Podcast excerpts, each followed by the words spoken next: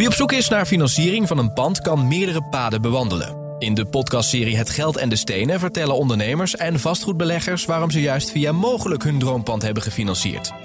Luister de podcastserie via bnr.nl of je favoriete podcast-app.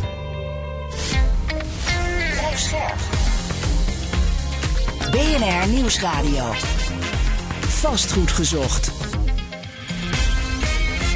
Maarten Bouwhuis en Maarten de Gruiter.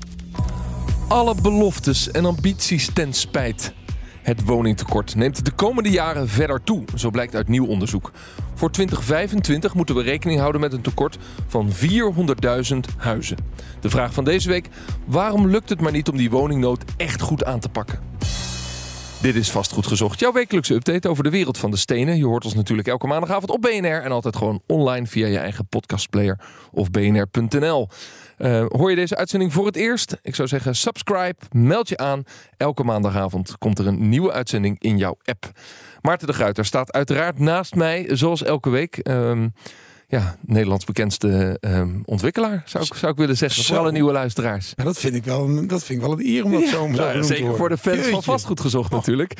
Zeg Maarten, luister, over die bekendheid gesproken. In Den Haag luisteren ze ook naar dit programma, want het kabinet gaat nog eens kijken naar de gestegen kosten en regeldruk voor de beleggers. Ja, ze uh, zouden overigens vaker moeten luisteren naar dit programma. Maar... Ja, laten we even schetsen wat het kabinet dan gaat doen. Nou, ze zijn eigenlijk uh, tot de conclusie gekomen. En wij hebben het hier inderdaad in de uitzending met uh, Marnix van Rij over gehad.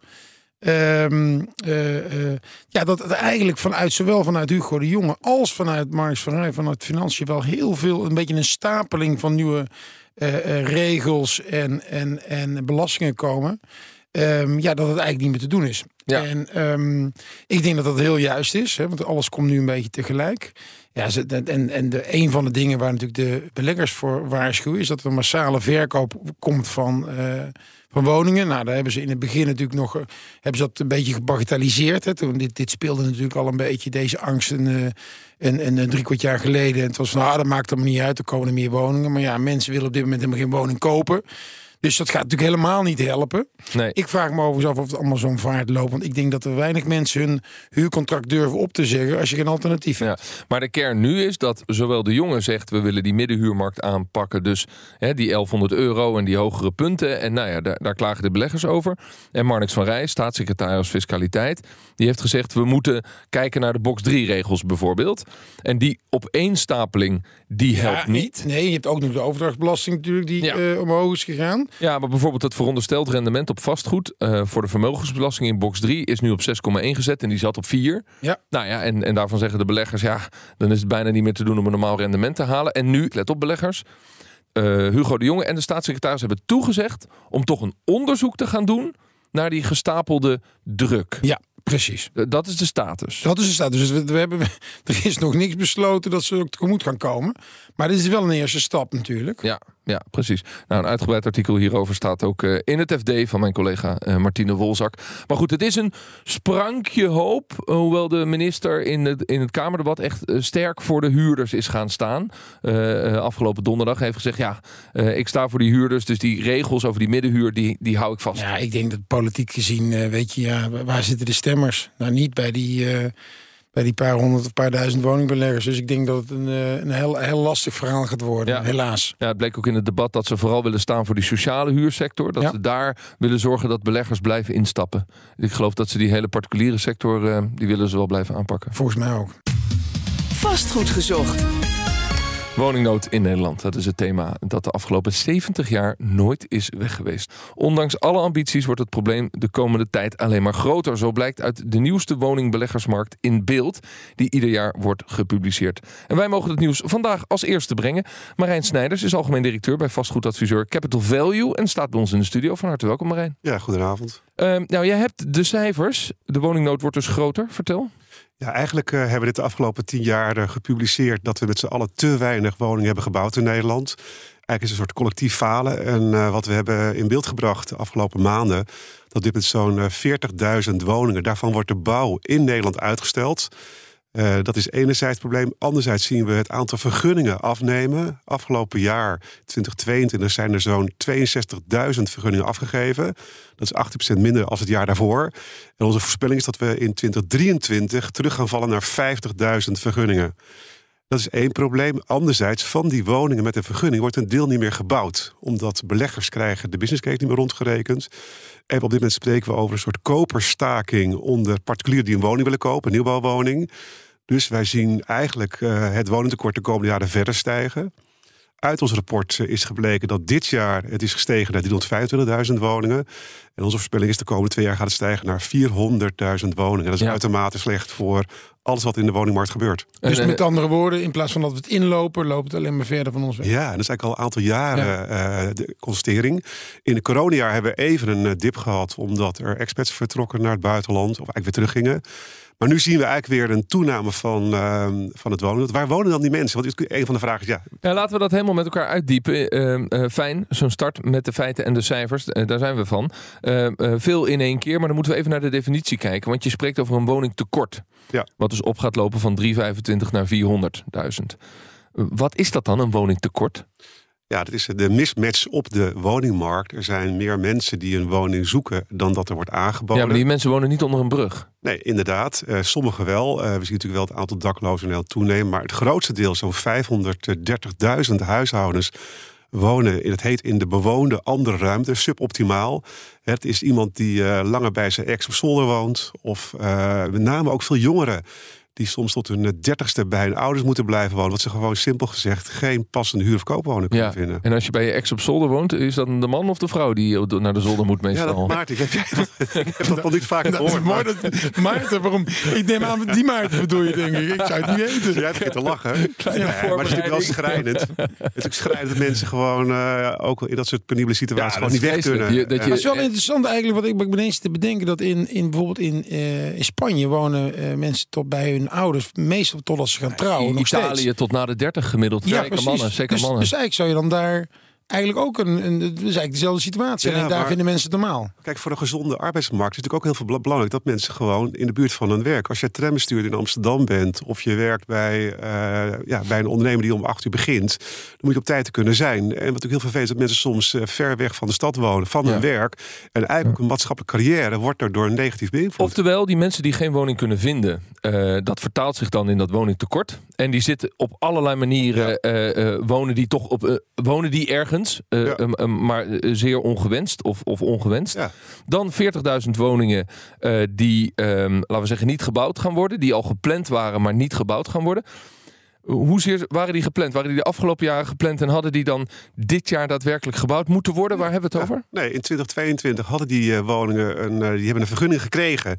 Dus je kan starten met de bouw. Maar we zien dat ontwikkelaars en, uh, en bouwers projecten uit moeten stellen, omdat ze en niet kunnen voorverkopen aan uh, particulieren.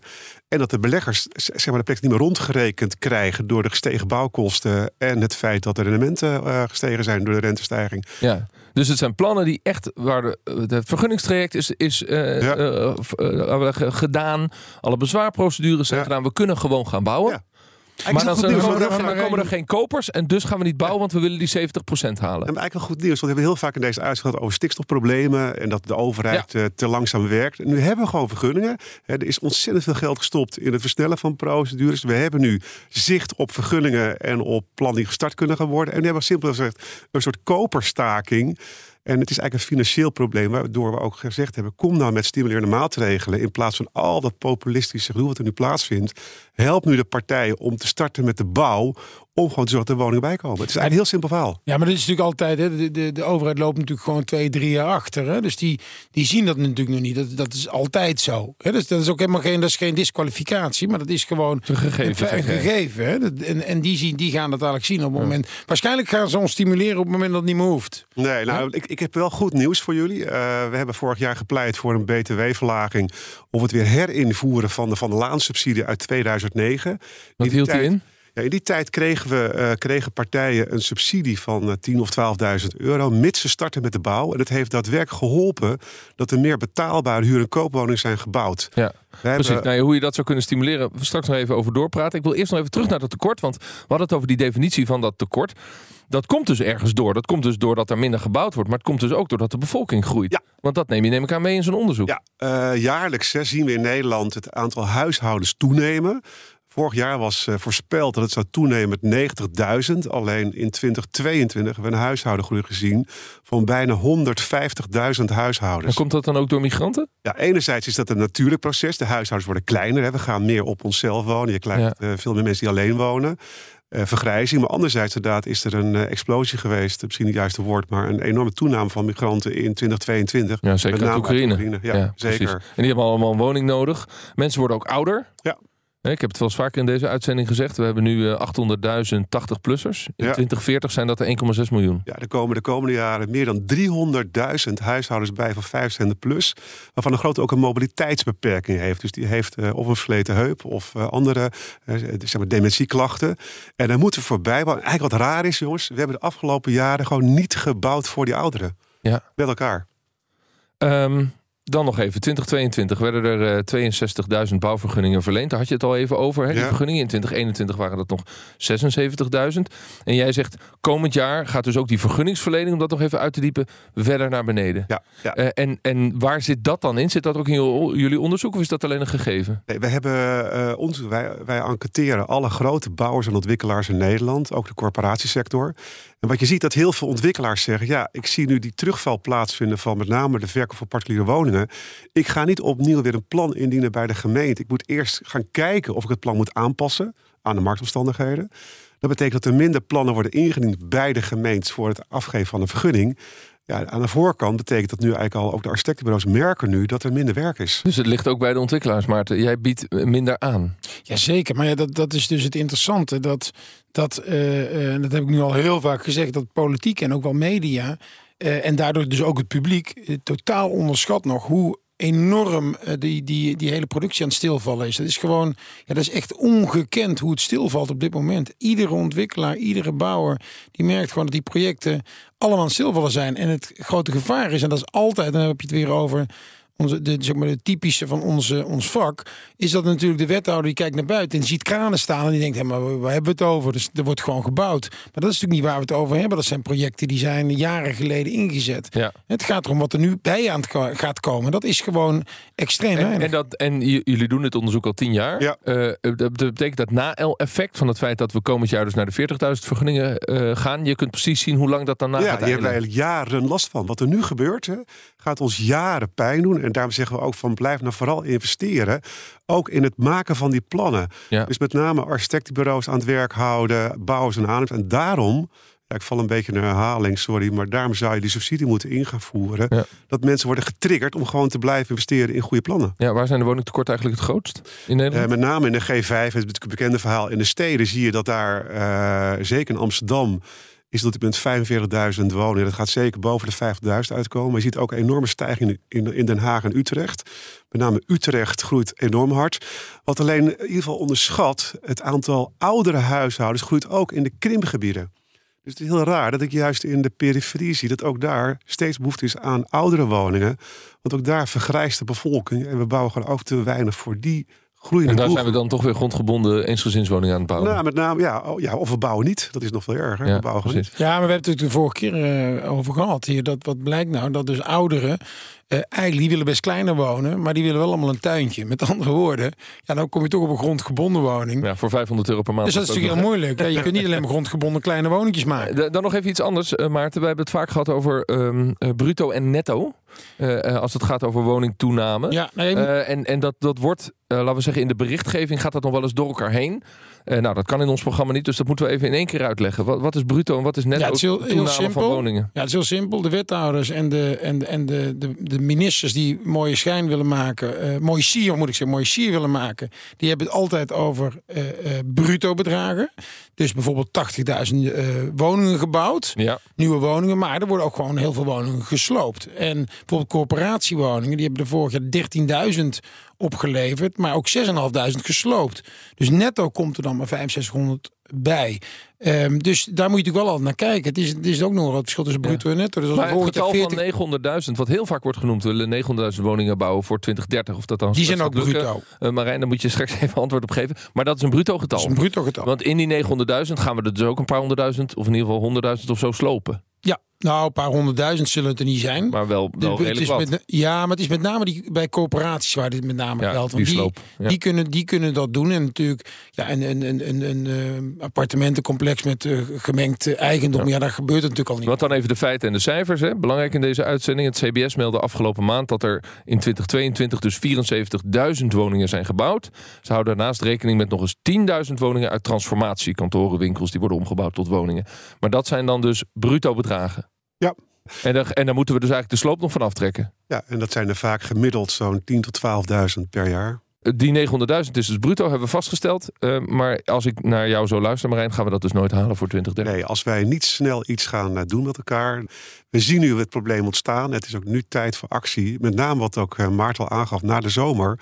Wat ook dat de bouwers een enorme klap krijgen in de Ja. productie. Dus er, is gewoon, er zijn gewoon aannemers. Er zijn plannen. En hoe we dat dan moeten doen, daar gaan we het straks eh, over hebben. Het woningtekort in Nederland, want daar gaat deze aflevering van BNR vast goed gezocht over.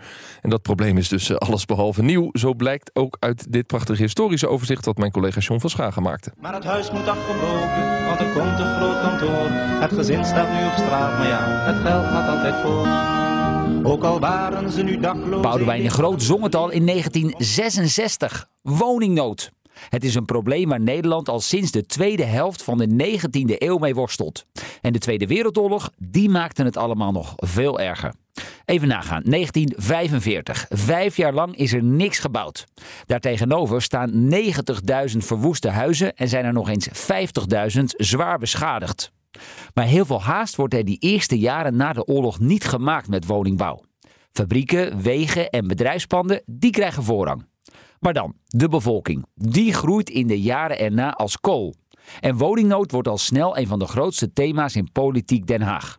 In de jaren 60 voert bouwminister Bogaars van de KVP een ware versnellingsslag door. Het lukt hem om de woningproductie op te voeren tot 100.000 per jaar. En dat getal hebben we de laatste tijd vaker gehoord.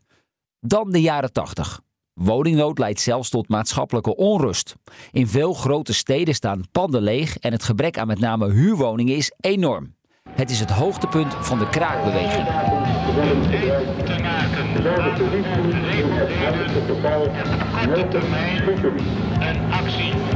In de periode rond de eeuwwisseling wordt er weer veel gebouwd, maar blijven de problemen bestaan.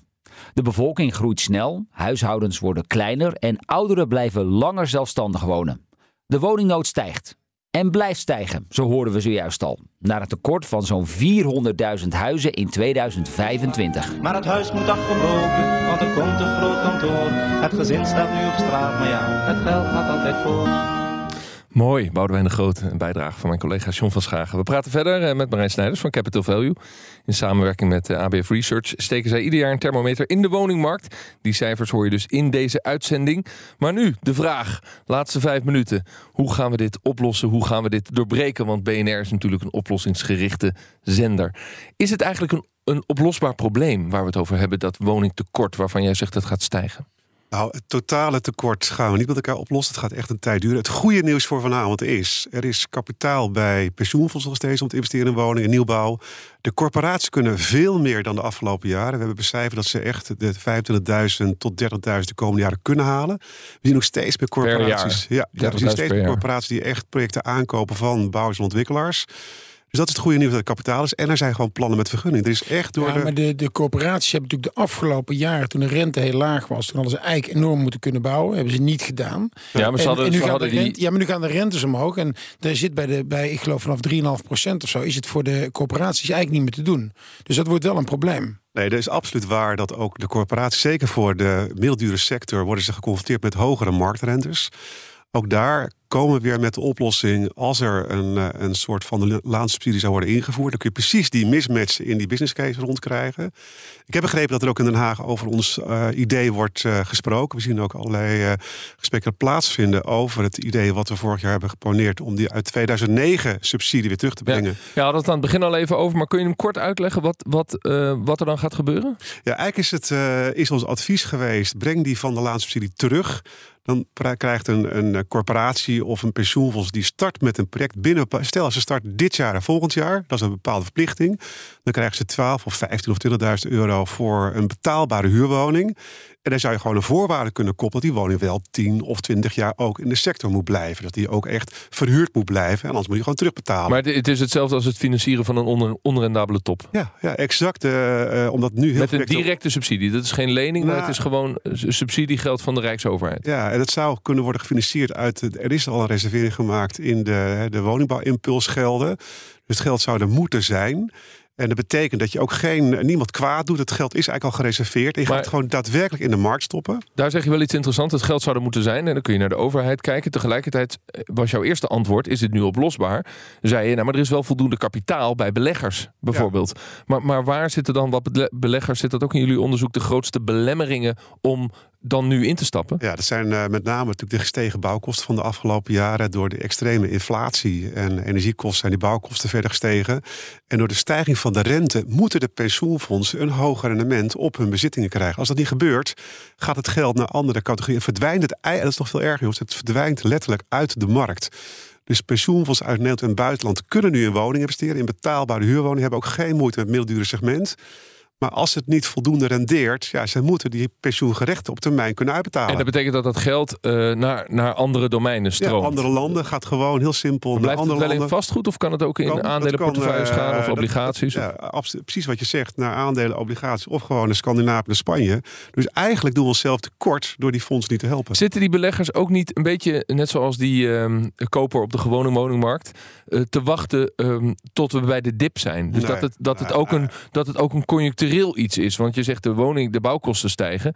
Ja, de bouwkosten gaan wel weer wat dalen eh, als er a- aannemers eh, op de fles gaan bijvoorbeeld. Ja, maar die fondsen hebben ook een belang, want ze hebben het kapitaal, ze moeten investeren. Er zit totaal geen, vaak geen dubbele agenda achter. Het is gewoon een mismatch dat zij moeten gewoon een bepaald rendement halen. Zeg even nu misschien eh, boven de 4, 4,5% bruto. En de ontwikkelaar en aannemer krijgen dat met de gestegen eh, grondkosten en de gestegen bouwkosten gewoon niet rechtgerekend. En, en waar zit nou de, de belangrijkste eh, schakel om aan te, om aan te draaien? Ja. Nou, de, bij die institutionele beleggers of ook bij die particuliere eh, woningkoper, die, waarvan jullie in deze uitzending zeggen, dat is echt massaal, zeg maar, dat is echt helemaal stilgevallen. Namelijk, eh, me- mensen kopen dat nieuwbouwhuis niet Ja, meer. Maar voor, voor het probleem van het woningtekort moet je blijven investeren in nieuwbouw. En daar heb je echt institutioneel kapitaal voor nodig. Dus de grote pensioenfondsen, de grote buitenlandse fondsen en de corporaties. Daar moet je nu daadwerkelijk wat aan doen. En de particuliere Maar dat gaat dan wel allemaal feit- naar huurwoningen, toch? Of kan Ja, kan het ook ja, naar ja. koopwoningen? Nee, want gaat- de koopwoning gaat, moet uiteindelijk door de eh, particulier worden Het goede is gekocht. dat je juist nu veel meer huurwoningen zou kunnen bouwen. En dat moet je ook doen, omdat die sector krimpt. En wat Maarten al zei, particulieren gaan woningen verkopen... die ze niet meer rechtgerekend krijgen. Dus als je niks doet, dan krimpt die huurmarkt. Dus Ja. als we... eh, Maar ik denk, ik denk ook de- dat de, de, de koopwoningmarkt, en dat vond ik een mooie je, eh, omschrijving, hè, die, die, die, die zijn aan het staken. Ik denk ook niet dat je daar echt moet gaan stimuleren, want het is veel meer een emotioneel iets waarom die mensen nu niet instappen. Die denken, eh, heb ik economische eh, problemen, heb ik volgend jaar nog een baan, rentes omhoog, et cetera. Die, dat is toch iets, dat is echt wel een emotioneel, emotionele beslissing. Ja. En ik ik denk ook niet dat je die moet gaan stimuleren maar je moet wel zorgen dat de grote institutionele ehm, eh, de grote projecten blijven financieren en eh, Wat richt je je dan op specifieke doelgroepen waar als je daar een trigger geeft dat die woningmarkt een beetje op gang komt? Betaalbare huur. Gewoon de betaalbare huur voor, iedereen. oude jongeren. Absoluut. En wat ook interessant is, is een mooie nabrander. Het komt goed met de woningmarkt. Ja, maar Hugo de Jonge is ook van de betaalbare huur. Hij, hij, hij zal zeggen, al mijn maatregelen zijn gericht op meer betaalbare Eh, huur. wat hij heel goed heeft gedaan. Hij heeft gemeentes gemobiliseerd en provincies. Er is heel veel geld geïnvesteerd in plannen. Het is echt heel goed wat er gebeurd is. Nu zit er gewoon met een concreet probleem. De marktmatch die er gewoon, eh, een mismatch in de markt. En daar moet echt niet, niet over een paar maanden aan gebeuren, maar as we speak vandaag. Om te voorkomen dat we echt sprake van een bouwinfarct, wat na de zomer gaat gebeuren. En dat is nog eerder Marnix van Rij eigenlijk natuurlijk dan eh, Hugo de Jonge. Want kijk, wat Hugo nu aan het doen is met te zorgen dat alles sneller gaat. Dat is natuurlijk hartstikke goed. Maar dat helpt niet de probleem, problematiek van nu. Eens. Tegen al die mensen die op zolder zitten, die bij een hospita moeten wonen, bij hun oude tante moeten wonen, wat zeg je tegen ze? Nou, het komt goed. Ooit. Marijn Snijders van Capital Value, dankjewel voor je komst naar de studio. Dit was hem weer, BNR Vastgoed Gezocht. Wij zijn er uiteraard volgende week weer. Bedankt voor het luisteren. Dag. Vastgoed gezocht wordt gesponsord door Mogelijk. Mogelijk. Vastgoedfinanciering voor ondernemend Nederland.